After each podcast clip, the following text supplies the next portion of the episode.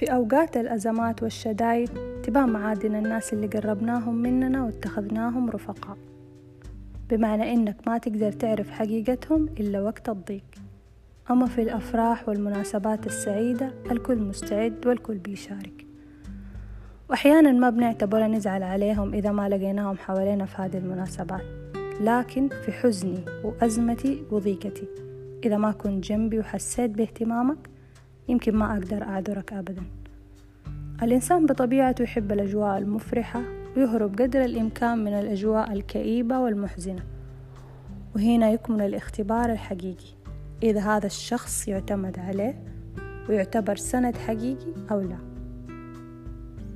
في النهاية ورغم كل شيء إحنا مطالبين بإننا نتجاوز سواء بتقبل أعذارهم ومسامحتهم أو بإلغاء وجودهم من حياتنا تماما.